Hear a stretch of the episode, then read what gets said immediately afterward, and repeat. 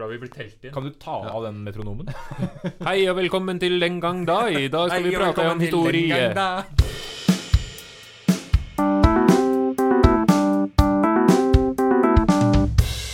Den gang da. Vi har fått eh, sponsor, vi. Har du noen gang vurdert å ta opp fag som privatist? Nei, kan du eg- gjøre. egentlig ikke. Å ja, Men, eh, unnskyld. men, men eh, hvis jeg skulle gjort det, så ville jeg tatt det på Akademiet privatistskole. Oi, hva er det for noe? Det er en privatistskole som kan tilby eh, kurs i alle fag du trenger for å få generell studiekompetanse, eller bare forbedre dine karakterer. Ok, Så hvis jeg vil eh, forbedre fagene mine, eller mangler noe fag, så kan jeg velge Akademiet privatistskole? Det kan du gjøre, og du kan velge nettstudiene deres. Ok, Så du slipper å møte opp Hvor finner man nettstudiene? på internett. Hva er nettadressen? www.akademiet.no. Oi, den var lett å huske. Men Ikke hva, sant? hva skjer hvis jeg ikke får bedre karakterer? For jeg har ganske gode karakterer fra før. Oi, vet du hva? Da kan du få pengene tilbake. Hva, hva, hva kalles det prinsippet? Det kalles karaktergaranti Oi. på Akademiet. Men er det flinke lærere? Privatist. Er det flinke lærere? Verdens beste lærere. Ja, men okay. det høres jo bra ut. Ja. Så jeg har jo ikke tenkt å ta på fag. Men hvis jeg skulle, så hadde jeg brukt Akademiet privatistskole. Den gang da. Hei, hei, hei, hei, hei, og velkommen til nok en episode av denne fantastiske historiske podkasten Den gang da. Mitt navn er Henning Mortensen. Ved siden av meg sitter Jørgen Lie Hei. og Hans Rosvold Hontvedt. Yo! Oi, oi, oi. Du er tøff. Ja, men bra. Eh, Vi, vi kjører på. Vi skal ha i dag en episode om Romerriket. Nærmere bestemt keisertiden. Ja. Ja, fordi vi har jo allerede hatt en episode om republikken. Men republikken er jo én periode i Romerrikets historie. Nå skal vi inn i keisertiden. Eh, og hva er keisertiden? Hva vil det si, gutter? Du tenker årstall, eller? Nja, hva er det for noe? Du, det er jo en lang periode. Altså egentlig. Kanskje det folk flest tenker på når de tenker på Roma sånn i dagligtalen, er jo liksom det romerske keisere. Og det er den perioden som da kommer etter republikken. Og det kommer vi sikkert til å få lov til å snakke litt mer om, hvordan det skjer. Men det er det som da fra republikken går i oppløsning, og fram til, eh, og fram til eh, hele Vest-Romerriket ryker eh, på 400-tallet etter Kristus. Altså, hva er en keiser? Det, altså, det som er gøy da med Romerriket, er jo at det er jo her vi har navnet keiser fra. Ja. Det er jo fra. Cæsar. Mm. Altså navnet Cæsar, som jo er et, egentlig et familienavn, som blir en tittel. Ja. Eh, så man har fått ordet direkte keiser og tsar, da den russiske varianten. Mm. Så en keiser er rett og slett er, I våre dager så ville vi jo kalt en diktator. Eh, en monark. en mon- toppen, en altså, monark altså, som har- konge, ja, som har nesten det meste av makten. Da. Men det som er interessant med Romerriket, er jo at keiseren der Litt avhengig av når du, når du ser på det, så, så er keiseren i utgangspunktet ikke en eneveldig monark sånn utad. Det er jo det i praksis, det, da. Men f.eks. Augustus dekker seg bak en her med titler og sånn. ikke sant? Og ut ifra det her så deler man også inn hele den keisertida inn noen perioder. Hvor du f.eks. har prinsipatet, som er den første, første perioden. Og der, der tar man det ut ifra princeps, som betyr at du har eh, første blant eh, republikkens likemenn, som er da Augustus og de andre keiserne. Og da tenker man jo at da opprettholder man jo republikken inn i keisertida. Altså, de, de brukte den tittelen for For framstå, ja, for å framstå liksom litt mindre diktatorske. Ja, ikke sant? Ja. Og så får en periode som heter anarkiet, som er betegna med at du har en haug med keisere og alt går dårlig. Et anarki, nesten. Og så den siste perioden, som heter dominatet. Og her har du liksom hvordan tittelen dominus, som betyr herren over slavene, er det som på en måte betegner keisertittelen også, hvor keiseren endelig blir moderne monarkisk da, i, en, i dagens forstand. Altså en konge som mer eller mindre er ufeilbarlig, og ikke en utvalgt fra andre likemenn. da. Når er vi sånn cirka her nå? Keisertida Man regner jo eh, keisertida fra og med Augustus. Uh, Men Cæsar er på en måte det som avslutter republikken. Han ble drept i 44 før vår tidsregning. Og så er, uh, så er det ca. 15 år med borgerkrig til 29, og da er Augustus den første keiseren. Ja, Fra ca. 31 eller 27, da, hvordan du teller. Ja. Og fram til 476 Ja. etter Kristus. Så det er rundt 400-500 år vi skal dekke nå i løpet er av jo- ca. 40 minutter. Ja. Det, det er greit. Ja, men bra. Vi, vi, vi hopper rett inn i det. Vi, vi snakket jo sist om republikken, så vi skal ikke bruke altfor mye tid på å gå gjennom hvordan den var styrt. Men kort oppsummert så er jo det da mer likt type folkestyre, hvor du har folkeforsamling, du har senatet, og du har eh, disse mm, embetsmennene. Altså du har en maktfordeling. Og romersk ideale er jo nettopp denne maktfordelingen. Men ikke demokrati, sånn som man kanskje kjenner fra Aten i så stor grad. Veldig stor forskjell på folk og hvor mye innflytelse man har, osv. Men fra Augustus så snakker vi om keiser. Han får tittelen som den første keiseren. Hva er det som eh, gjør at han blir keiser? Altså, du, du har et problem da når et uh, styre går i oppløsning, sånn som republikken gjør. Cæsar blir drept, og så er det kaos. Hvem, hvem skal styre oss? Uh, like før Cæsar døde, så utnevnte han eh, Augustus til sin arving. Eh, Ja. Han er Cæsars grandnevø. Ja, og han het jo da ikke Augustus. Nei, han het Oktavian. Ja. Eh, Augustus var en tittel han fikk senere. Eh, og Cæsar er på en måte den mektigste personen i Romerriket ved republikkens slutt. Så mektig at han har også fått seg nok fiender til at de ser på han som en trussel for staten og tar livet av han, eh, litt enkelt sagt. Eh, Augustus er da hans Kall det gjerne arving, da, men det er ikke noe tradisjon for at man arver eh, embeter på den tida. Men Augustus er den som klarer å gjennom en lang borgerkrig på 15 år ca. og sno seg fram til å sitte med den makten. Ja. Ved å på en måte utkonkurrere motstanderne sine. Ja.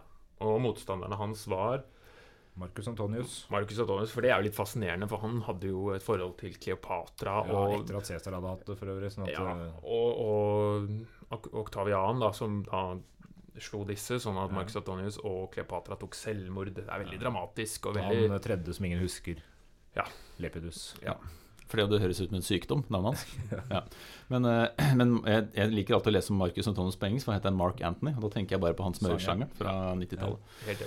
Men, eh, men, Men, men han, i hvert fall, han vinner jo der, da. ikke sant? Han, han slår sine rivaler og vender tilbake til Roma som den absolutte mektigste mannen i Roma.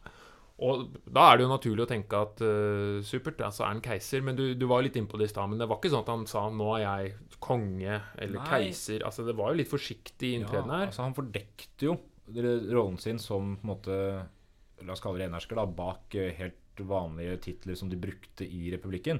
Med at han ble utnevnt til konsul ikke sant? og fikk senatet til å utnevne seg til konsul, som var én av to ledende embeter sånn stadig vekk. ikke sant? Sånn at han fortsatte å ha den makta. Og folketribun. ikke sant? Og folketribun. For han, ja, han ville jo ikke sitte med den konsulmakta for lenge, for han ville liksom opprettholde et skall av republikk. Så derfor ble han tribun. Han ble Pontifex Maximus på et eller annet tidspunkt, altså en prest. ja, Divi Augusti, er Ja, ikke den, den hellige Ja. Augustus? For det er jo også fordi han, er, han fikk jo Cæsar til å bli anerkjent som guddom, og da er han plutselig sønnen av en gud sjøl. Men så han dekte det bak en haug med sånne titler, da. Ja, Og fikk jo navnet Augustus. Altså den, Den opphøyde, eller ja, sånn ikke sant? den store, den opphøyde. Så han het jo da Gaius Julius Cæsar Augustus. Ja. Keiser Augustus, da. Litt lettere. Og Ja. det, bare, det som er også interessant med Augustus, er at han er jo en altså, Nesten alle forgjengerne hans i de 100 forrige årene hvor det er sterke menn, så de slår seg opp som generaler. Men Augustus er jo ikke det. Nei, han er jo politiker. Ja, i større grad. Altså, han er bedre i Så, så, enn altså, sånn sett kanskje en egna figur da, til å starte noe nytt. Ja, og det, ja, unnskyld. Ja, ikke sant? og han er utrolig flink til nettopp dette politiske spillet. Han spiller jo på at han gjenoppretter republikken og alle disse institusjonene, men i, i realiteten tar all makten selv. da og, og knytter det til sin posisjon, men han er flink til å ikke hevde Han utnevner seg ikke til diktator på livstid, sånn som Cæsar, men bruker de etablerte Ja, titlene til å på en måte skjule hans egentlige makt og Ja. agenda. Og Da blir han liksom en forpakter av det gamle systemet, da istedenfor en som har brutt med det. Han får liksom en tittel pater, eh, pater patriae, som betyr noe sånt som fedrelandets far, eller noe sånt. ikke sant? Så man spiller på den der tradisjonen om, om pater familias, altså familiens overhode. Så han blir liksom overhode for det familiære Roma, da, og måtte det er noen som kan kjenne seg inn i det. Men hvorfor ikke sant? Man kan tenke hvorfor folk lar han på en måte ta så mye makt, og hvorfor folk anerkjenner det. Men da må vi også huske kaoset som har regjert i republikken før han kommer til makten. Borgerkrig i mange år. Ikke sant? Fordi Augustus kommer jo til makten, og når han dør, etableres jo denne her Pax Romana-perioden, som er Romerfreden. Ja, Ja. Eh, ja, skal vi fortsette på den? fortsett på det. Fordi, ja, som du sier, at kanskje han er Som vi var inne på, han er på det nå. Ja, altså. han- han- flyt. Endelig etter 50 episoder. Men han, eh, han er egna fordi han er noe nytt, og han er egna fordi han er rett mann til rett tid. da. Altså God Kairos han er, eh, han er en som er etterlengta. Altså, det er jo mange historiske eksempler på det. At eh, man eh, vil ha en leder som slår igjennom etter lang tids kaos. Så kan jo kanskje Augustus også sies å være et eksempel på det. Og han innleder av denne perioden som man kaller romerfreden, Pax Romana. og Fred eh, er en sannhet med modifikasjoner. Det betyr ikke at romerne ikke kriger. Tvert imot. Roma blir jo, Romerriket blir jo sitt, på sitt aller største i denne perioden som heter Pax Romana, som strekker seg fram til 180, omtrent, med ja, Marcus Aurelius, den keiseren som, eh, som dør da. Eh, Men, men sett fra romers perspektiv, da, så er dette, dette er glansdagene, på en måte. Ja, for det vokser og vokser og vokser. Og fra rundt midten av 100-tallet så er jo det på sitt største. Mm. Da er det, det er opp til Skottland, og det er Nord-Afrika, og det er Midtøsten, og det er svært. Men det er, altså, når man snakker om at det er fred, så er det jo stort sett fordi det er mye fred innad. Ikke sant? Ja, ikke sant? Det, er- det er, det er de preges ikke av like mye borgerkriger som de gjorde før Augustus. Og Det er kanskje også noe grunn til at Augustus klarer å på en måte at, at keiserdømmet som konsept da klarer å videreføres fra Augustus til neste person, og at det ikke går tilbake til republikken. At Tiberius som overtar etter Augustus, får lov til å beholde makta, og det fortsetter, liksom. Det er jo fordi det er, det er relativt fredelig langs grensene, sånn at det går stort sett bra. da. Augustus kan bruke tida si på, på faktisk få gjort en keiserjobb som funker, og ikke måtte drive og kjempe mot andre folk på utsida. Og, så, og som, hvis du spør de romerne kjempa mot, eh, så vil de nok ikke kalle denne perioden for en fredsperiode. fordi altså, når man legger under seg landområder, så hvis vi skulle brukt dagens terminologi, så ville vi kanskje brukt uh, utrenskninger, uh, massakre, Imperialisme. Uh, imperialisme Altså romerne som rett og slett tvinger på befolkningen rundt da, sin kultur og sin og dominanse. Fred var jo aldri noe ideal for romerne, heller tvert imot. Krig var eh, Det var normaltilstand. Altså, det var jo sånn man levde. Fred er ei det beste, men at man noe vil. Er det det Cæsar sa? Nei, det var Bjørnson. Okay. Men var det så stabilt og godt fordi det var så mange gode keisere, der, eller?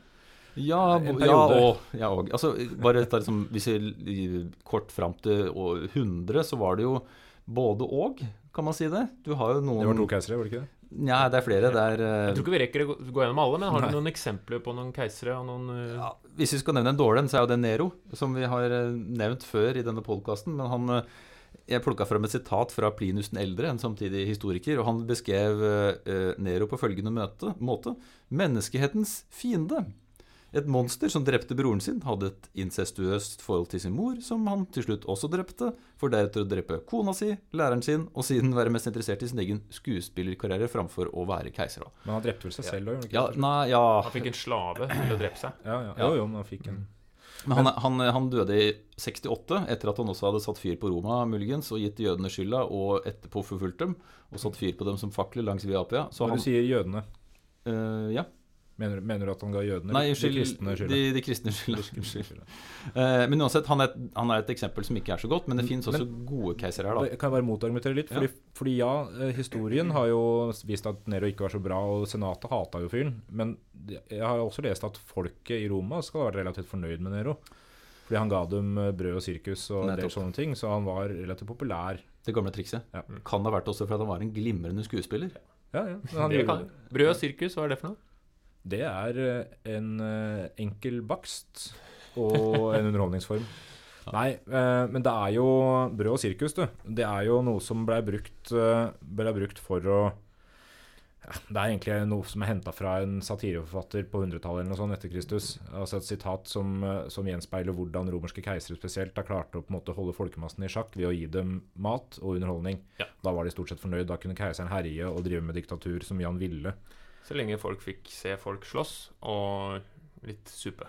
Og de, altså Augustus skryter vel av dette, veit du mer om meg enn enn meg, Jørgen. Men, eh, men eh, Augustus skryter jo av hvor mange på en måte triumfer han viste til folk. Hvor mange løver han lot eh, slåss i, i, på sirkus, og hvor mange gladiatorkamper han hadde arrangert. og sånn, ikke sant? Fordi man, det var, man var fornøyd med det her, da. Ja, Augustus var også den som bygde en egen arena for sjøslag. For underholdningens skyld. Ja, Altså, han det er fyl- friskt.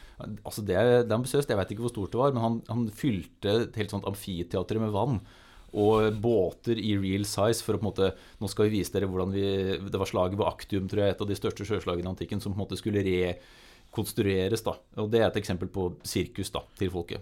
panem et circenses. For Ok. øvrig. Frø og Men, sirkus, men kort fortalt, da. Det er, det er eh, noen dårlige, men også noen gode keisere fram til rundt 100, hvor man får perioden som man kaller eh, Ikke kaller noe spesielt, eh, nødvendigvis, men det er en periode med gode keisere som varer omtrent fram til 180. Altså fra 96 til 180 har man de gode keiserne, Mm. kalles perioden. Hvordan blir man keiser? For de som er Ja, det er interessert jo i et litt eh, karrierebytte. spennende, da, fordi det vi tenker på i i dag, så er det jo helt krise hvis en, en konge eller opp gjennom historien da, så har det stort sett vært krise hvis en konge ikke har fått ektefødte sønner. ikke sant? For da har du ikke noen naturlig arvefølge. Men i Roma så foretrakk de jo at keiseren ikke hadde ektefødte sønner. For da var det jo gitt at den sønnen skulle overta på et eller annet vis. Men man ville jo helst at senatet og forsvaret og en haug med andre folk skulle kunne bestemme hvem som skulle bli keiser. Så da valgte man heller at eh, man, eh, man måtte anerkjennes måte av disse her instansene. Og gjerne at det var en adoptivsønn. At eh, en, en litt godt voksen type egentlig som skulle overta keisermakta. Gjerne en adoptivsønn som var oppe i 70-åra, ikke ikke en ungfole. Fordi man, dette med liksom disse unge tronpretendentene, for å kalle det det, altså disse som ønska makta, eh, de hadde man ikke noen tiltro til. Man likte på en måte autoritasen, altså autoriteten til, til det gamle delen av befolkninga i Roma. Man hadde det idealet fra republikktida. Mm. Skal vi bare, ja, eh, Rekker vi en keiser, eller? Fra den Ja, ja, ja. Ja, ja, altså, Det er derfor vi er her. Folk- om keiser og keiser. Nydelig. Folk har jo hørt om Hadrians mur. Han er kanskje verdt å nevne, altså keiser Hadrian. Ja. Som, eh, som fortsatt eksisterer. Den er nordgrensa for riket. eksisterer Ikke Hadrian, men muren hans. Muren? Ja, Hadrians mur den er i Skottland, og det, det var jo yttergrensen til Romerriket nordover. Jeg blander alltid den med Berlinmuren. Ja, det er fort gjort. Eh, Så under Hadrian, som han bygde vel muren i 117 rundt, tror jeg. eh, Så det er et eksempel på at Romerriket er omtrent på sitt største. Eh, Før Hadrian så har vi Trajan, eh, som også tok for seg store områder i dagens Romania og nordøstover derfra. Som, altså under Trojan er Romerriket på sitt største. Var det han med hesten? Den trojanske hest? Det var en trojanske hest, tror jeg. Men eh, han er ansett som Der var ikke samtiden i hvert fall, sa i hvert fall Trojan var den beste keiseren noensinne.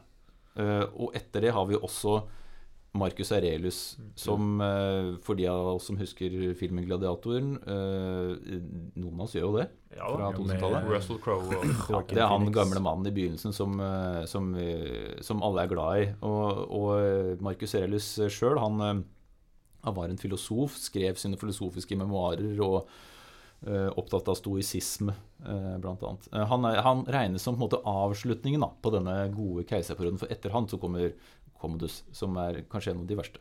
Ja, og han blir også Han, ble, ja, drept, tatt av dage, og så Ja. blir det bare dritt etter det. han var mer opptatt av å slåss i gladiatorkamper enn å være keiser, faktisk. Mm. Så, ja. Så da har vi jo kommet omtrent til 192. Da er Commodus uh, ihjelslått i uh, gladiatorarenaen. Så da tar vi 193. Ja, det, det er jo det som er Etter hvert i Romerike så blir det jo mer og mer sånne altså, Keiseren må jo dra ut for å lede hæren og sånn etter hvert. Og etter hvert så får jo hæren en ganske stor betydning også for å utnevne keiser. Ja, ja, Du får jo også en haug med soldatkeisere. Ja, altså. ikke sant? Og så utnevner de en keiser, så er det en del av hæren som utnevner en, og en annen som del, en annen, og så er du inne i en litt sånn konfliktperiode. Ja, eh, der har jo Det er jo egentlig Det er tidligere enn enn Det det gjelder- ja. Altså, du har jo trekeiseråret, f.eks. Mm. i 68 til 69. Det er jo etter at uh, Altså, det er, det er liksom slutten på det, den, det dynastiet som innledes med Augustus. da Det Julio, Julio-Clauderne. ja, Julio-Claudiske dynastiet. Som avsluttes da med, med Nero. Og så etter ham så blir en annen keiser valgt, Galba.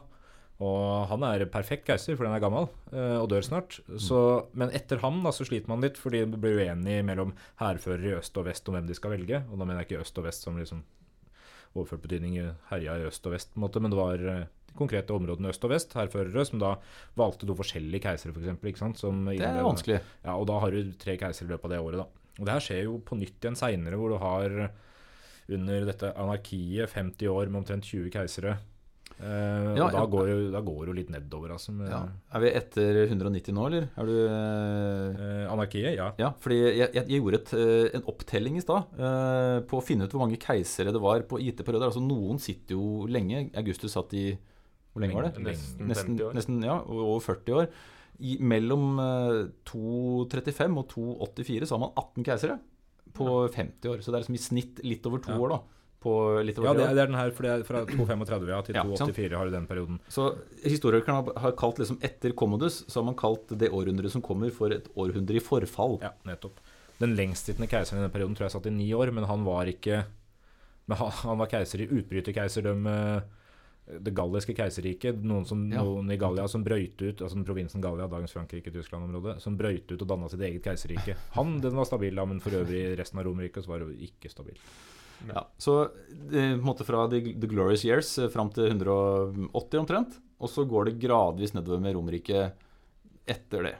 Ja. Eh, med gradvis forverring, altså borgerkrigstilstander flere ganger. eh, Ja, men, mye press på grensene fra goter og sånn, ikke sant. Også i den perioden der, da. Mm.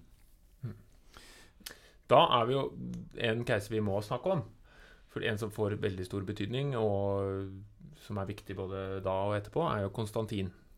ja. For hva er det han er kjent for?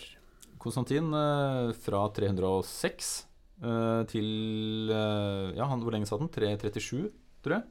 Han huskes jo av forskjellige årsaker. Altså Han kommer etter en periode med forfall. Så kommer eh, Konstantin og stabiliserer. Eh, før han var det en keiser som het Diokletian, også som, som tok kontrollen og innleder av det som kalles dominatet. Ja, og han, Konstantin blir, altså, han er jo så en av de som blir utropt. Altså, han, blir jo i, han er vel i England og blir utropt da som Ja. keiser. og han blir jo faktisk, men han blir jo faktisk utropt Eller han er jo den første på en del år som blir keiser for et samla rike. Eh, fordi der har hatt en del splittelser tidligere, bl.a. du nevner Diokletian der, som Mm. splitter riket egentlig først i to, og så egentlig i fire deler. da Med underkeisere, liksom, hvor han skjønner at det ikke går an å få til en administrasjon av hele riket. Men under ham så blir det relativt stabilt en stund. Men så har du den splittelsen, da, og så får du og så får du Konstantin, som, eh, som blir en samla keiser, faktisk. Det var 324, eller hva det ja. Hva er det han er mest kjent Jo, for? eh, jeg, for meg er han først og fremst kjent for at han har veldig store øyne. På, Ja, alle, på alle statuer. så har han Det kan være fordi han mente at han fremstiller han som en fyr som så godt, på en måte, men han er jo den første kristne keiseren. Ja. Og han, eh, han, han et, ifølge tradisjonen så ble han, eh, fikk han en oppbaring når, han, når han inntok Roma etter en liten periode med stridigheter før han ble, ble ledende keiser. Eh, I 306 så er det, det er en bro inn mot Roma hvor han, hvor han vant et slag som han hadde dårlige odds for å vinne. Eh, og så opplevde han en slags åpenbaring fra Gud. Og kristendommen er jo ikke noen det er jo ikke noen ny religion. Det er en, altså, Nei, romerne har brukt mye tid på å forfølge kristne. Nero gjorde det, som du sa. Ja. ja så, men han mente han så et brennende kors på himmelen, var det ikke det? Og så malte soldatene hans kors på skjoldene. Og liksom, så gikk det greit, og da mente jo han det var det. Så han eh, var den første kristne keiser. Men han, på denne tiden så var rundt 10% av romersk, eh, den romerske befolkningen kristne.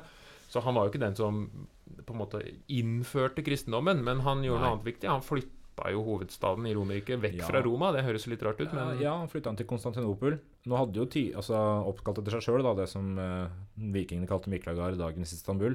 Men nå hadde jo tidligere keisere også i liksom kaosperiodene hatt hovedsetet sitt litt forskjellige steder. Ravenna Ja, det kom litt etterpå, da. Men, eh, men andre, andre steder. Så, så man hadde allerede begynt en sånn desentraliseringsprosess, som vi kanskje kan komme tilbake til at også er grunnen til at det går litt nedover her. Men, han, eh, men ja, han, han tar en del sånne grep da som, eh, som flytter uh, makta vekk fra Roma. Det han er, er jo også kjent for dette kirkemøtet i 325 i Nikea. Ja. Mm -hmm. Det er jo et møte som er viktig for tiden etterpå. det er jo der Bibelen ble satt sammen. Eh, I hvert fall man bestemte hva Bibelen skulle bestå av, og redigert noen ganger Ja, etterpå. Men gr- Grunnlæra i kristendommen, den nikeiske trosbekjennelsen. ja, så Og ble enige om, om treenigheten. At de var likestilt, alle tre. Hvem? Gud, Jesus og Einar. Og ikke, ikke, ikke Konstantin, altså. Altså, Det er, så så han, han klarer på en måte å få holde seg unna det rent teologisk, da, selv om han samler, eh, samler Ja. proppene. på en måte Men han er det, det, det er veldig interessant. Vi skal ikke jobbe med kristendommens historie her, men, men kristendommen på det tidspunktet her er ikke en svær religion. Nei. Så det at han på en måte blir kristen, og at uh, senere keiser Theodosius gjør kristendommen til statsreligion, eller eneste tillatt religion, det, det, det er jo det som kanskje forklarer hvorfor kristendommen spredde seg så fælt. For det var jo en relativt liten sekt i god konkurranse med, med andre små religioner som nå ikke fins lenger, omtrent. ikke sant? Saratustrianismen og sånne ting som vi ikke trenger å Mm. forklare, men som ikke var noe mindre enn kristendommen. Nei. Men så har du Theodosius, som du sier, som i 392 innfører da kristendommen som på en måte romersk offisiell religion. Og i den forstand, ikke sant, for den romerske religionen var jo sånn polyreligion med flere guder, og man kunne akseptere andres guder i større grad, mens kristendommen var jo mer sånn Det er vår gud, og alt annet er feil. Nettopp. Det er, det er interessant om, sånn, at det går fra forfølgelse til Følgelse. eneste tillatte religion. Ja. Eh, Det tar riktignok noen år. Altså, Det noen år, da, men, men, men, eh, men, eh, men hvis man skal på en måte si noe om Romerrikets betydning, da, utover at uh, latinske språk og sentral administrasjon og veier og sånn, så er jo altså ved at kristendommen ble tatt under Romerrikets vinger, så er jo det en av forutsetningene for at kristendommen spredte seg og ble en så viktig religion.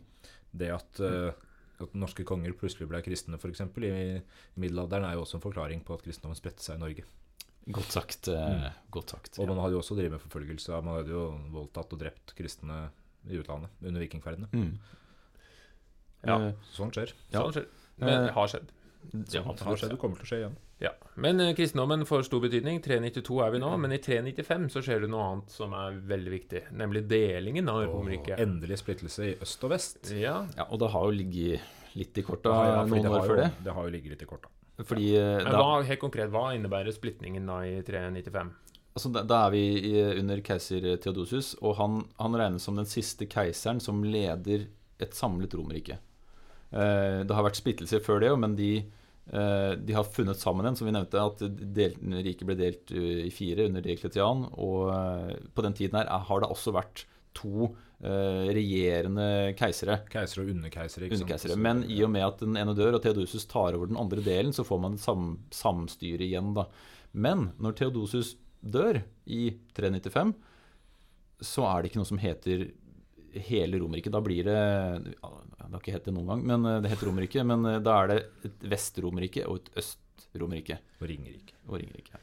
Husker ikke. Ja, aner ikke. Ja. Eh, Men hvorfor deler man opp riket i to? Hva er grunnen til at man Nå har Ja.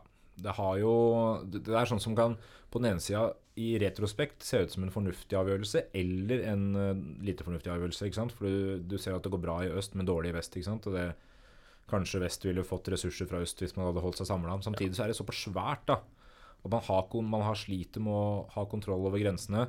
Man sliter med interne uenigheter fordi det er så stort. Man har gitt borgerrett til alle borgerne på det tidspunktet her. eh, Og alle har liksom, alt har blitt utvanna, så man finner ut at man må dele det opp for å rettere kunne administrere eh, forsvar, administrere skattesystem, kommunikasjon, sånne ting. Og så er det viktig, ikke sant Dette er jo før telegrafen, til og med. Så det å administrere så er stort rike Og så er det som du sier, det går bra i øst. Altså Når vi snakker øst, så snakker vi om den delen av Romerike som har hovedsete i Konstantinopel. Og det er jo et mye mer sentralisert eh, sted Ja. enn Vest-Romerike, som altså da har eh, hovedsted i Roma. Og som er jo litt Bryter liksom Man er veldig tenkt at Vesten foran resten og den moderne tankegangen rundt Vesten, men Vesten på den tiden, altså Vest-Europa og sånn, er jo et mye mer splitta område med mye mer uh, hva skal jeg si, klin gærne folkeslag og Mm, germanske mm, folkestammer. Og vanskeligere å kontrollere sånn Mm. Ja, ja, det er mye press, da. Som eh, Nå foregriper vi kanskje, men det er jo det som til syvende og sist også knekker Vest-Romerriket. Ja, At, Fordi- eh, Nå er vi jo inne på Romerrikets fall, for det er jo ikke veldig lenge på. I snaue 100 år. Etter så detter jo Vest-Romerriket sammen. Ja, ja, det, det faller jo sammen i totalt kaos. Det er jo invasjoner fra utsida, fra huner og goter og germanere over hele fjøla. Eh, det, det, er jo, det er jo et gammelt uh, ordtak som, uh, som jeg hadde når jeg, som, som en historielærer sa til meg en gang, at det er mye lettere å uh, erobre et rike enn å konsolidere det. Nå kan du si at det betyr å bevare det. da. Romerne klarte jo det relativt bra. Veldig lenge. Veldig lenge. Er det det lengste i historien? Altså i, den, i det omfanget? Jeg, jeg klarer ikke å huske noe som er større i farten. Men altså, fordi mange riker som er større, eh, eller ikke mange, men noen, sånn som Djengis Khans rike, men det, oppstod, det er jo bare noen tiår. Mens Romerriket er jo Ja. uten sidestykke i lengde, da. Men til Ja. slutt så, så er det for mye ytre press. Altså det er sammensatt, det er hvorfor de faller, men det er, det er for mye ytre press. Og det hva, hva legger du i ytre press? det betyr, som Hans nevner her, at det er andre folkegrupper, særlig fra nord, fra dagens Tyskland, da, eh, Germania, der du har eh, gotere, du har eh, vandaler, derav ordet, vandalisme, og så har du Er det eh, derfor det heter gotere og de som har sånn svart hår? Og, Ja, for- ja, ja, ja? Ja. ja, det, det er go, go, for det. Mm. Ja. Og så har du hunere da med et, et rytterfolk. eh, med- Attila? med Attila, ja. Mm. Huneren Attila er jo en av de som knekker romerne. Det er der vi har det norske navnet Atle fra. Hva da? Atle Er kommer det fra Ja, faktisk. eh, Ah. Via norrønt eh, Atle. Men det er ikke så farlig. Så, Det er, så det, det er en, det er en synergieffekt, da, altså en, en, en dominoeffekt, at hvis For du har dette hunderne, disse, dette er jo sånn rytterfolk Mm, i ja.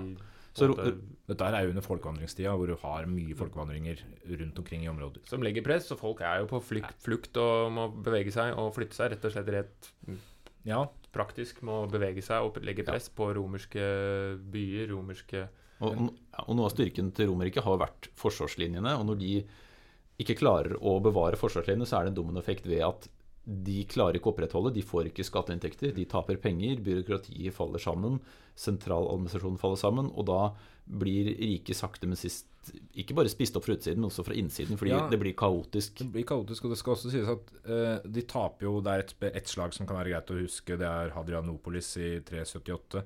Jeg tror oppkalt etter Hadrian. Det er antageligvis. Det Jeg er litt usikker.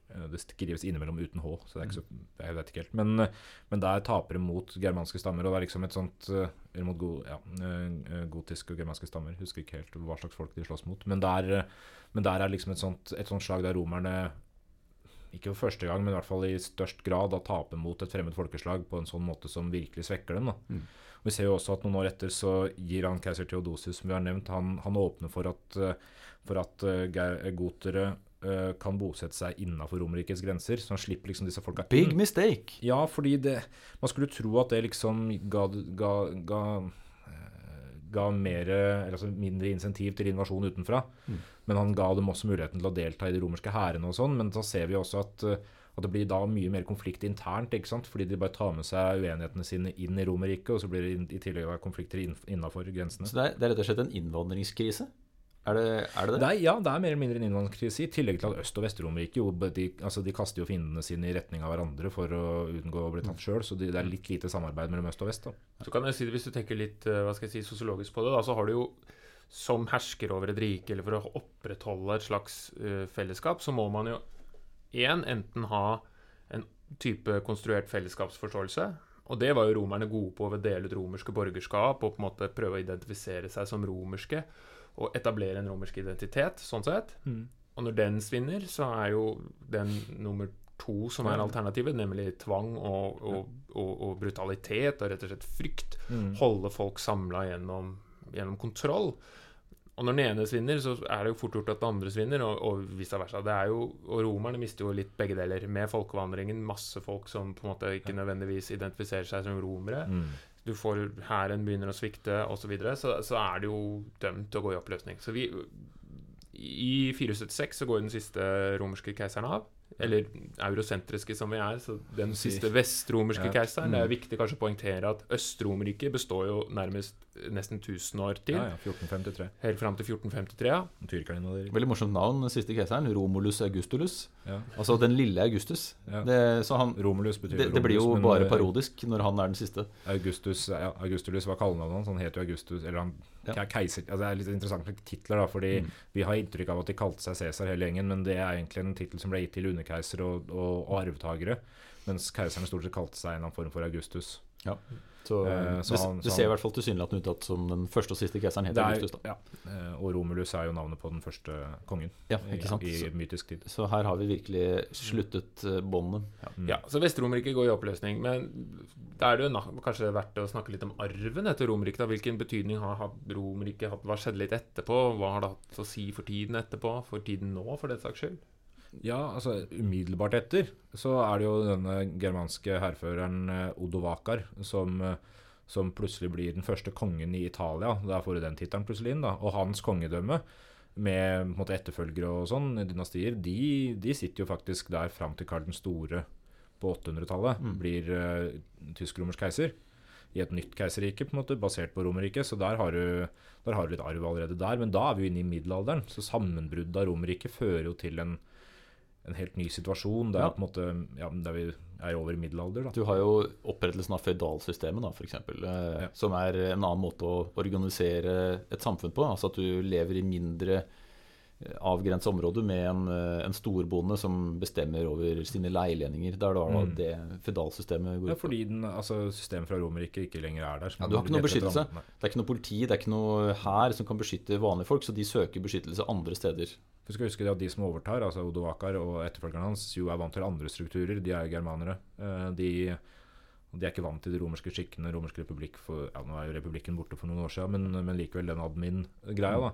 Og Så ser vi også at kristendommen får mer og mer makt. fordi en som overtar makta i Roma, er jo paven, eh, som plutselig får mye makt. Fordi den romerske sentraladministrasjonen svinner og forsvinner og går i oppløsning.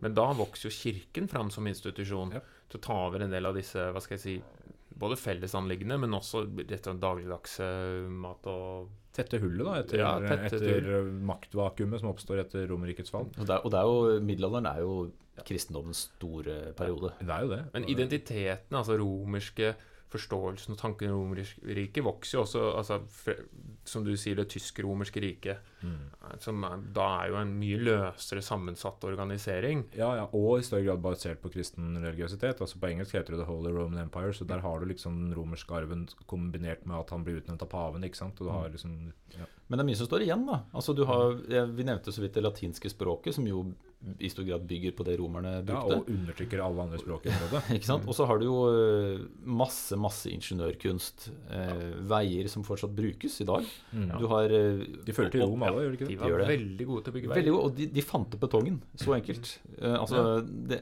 så, så enkelt. Betong, ja. Bygde kupler som de første ja, altså de, Det er masse ingeniørbragder da, som man kan ta med seg av romersk De fant opp trappa, gjorde de ikke det? de fant, de fant opp. Nei, de gjorde ikke det. Nei, men det var jo altså, tra det, det å ha trapp i bygg var jo mye vanligere i Romerike enn i middelalderen. Ja. Så, så de var jo ekstremt gode uh, ingeniører. Og akveduktene, som vi kjenner, altså disse vannførere som Mm. tidligere rør rørleggerlærling, så er jeg jo fascinert over alt Ja, som bærer vann. Ja, og de, de hadde et fall som måtte være ganske lite. Du må ha et konstant ganske lite fall, ja, men du må ha et fall. Og, du må, det, du, og dette var før uh, man på en måte hadde laservater. Jeg, jeg, lurer på om Så det er godt det, gjort. jeg lurer på om de har lest at det var sånn fem meter fall på 40 km eller sånn. Det er helt ekstremt uh, lite. Eh, ja. Men bra gjort. Bra gjort. Mm. Altså, det er, er godt gjennomført, det vil jeg si. Og, og vi snakker om at Romerriket eh, det- Vi sa at det ikke er det største, nødvendigvis. Djengis Khan var større. Jeg tror det var større, men Eh, det varte mye lenger. Ja, og det varte lenger, og arven etter det. Mm. Eh, samfunnet vårt bærer nok større preg La meg gjette, da. Jeg bare antar at vårt samfunn bærer større preg av arv fra Romerriket enn fra Djengis Khan. Ja, for da har vi bare den låta, ikke sant? Den uh... Djengis, Djengis, Djengis Khan ja, ja, eh, Mens vi har masse sanger fra Romerriket. det har vi. Um, nei, men altså, USA har jo smidd sin lest, riktignok. Altså, smidd sin lest. Ja, smidd- Senatet, ikke ja, sant. altså, Altså, de har jo ja. brukt titler Keisertittelen har holdt seg. Ja.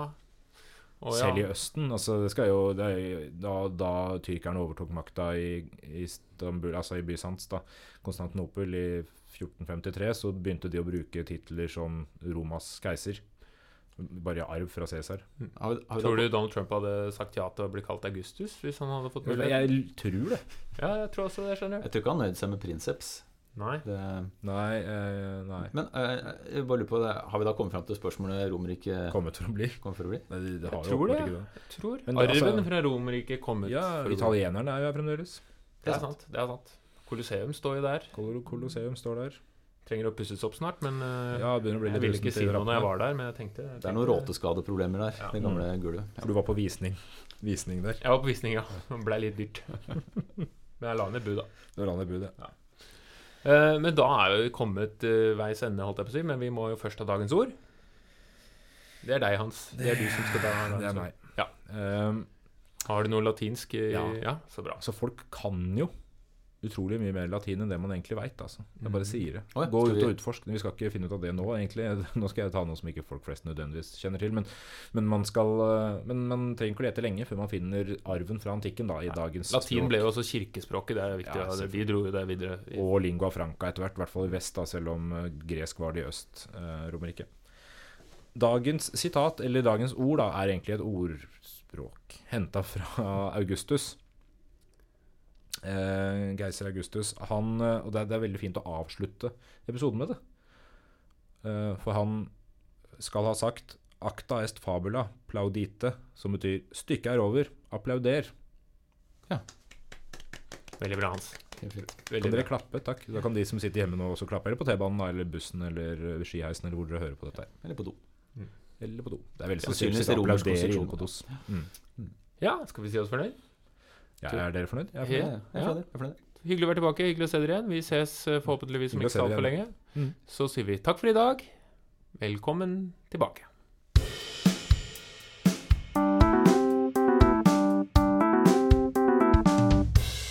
Den gang da.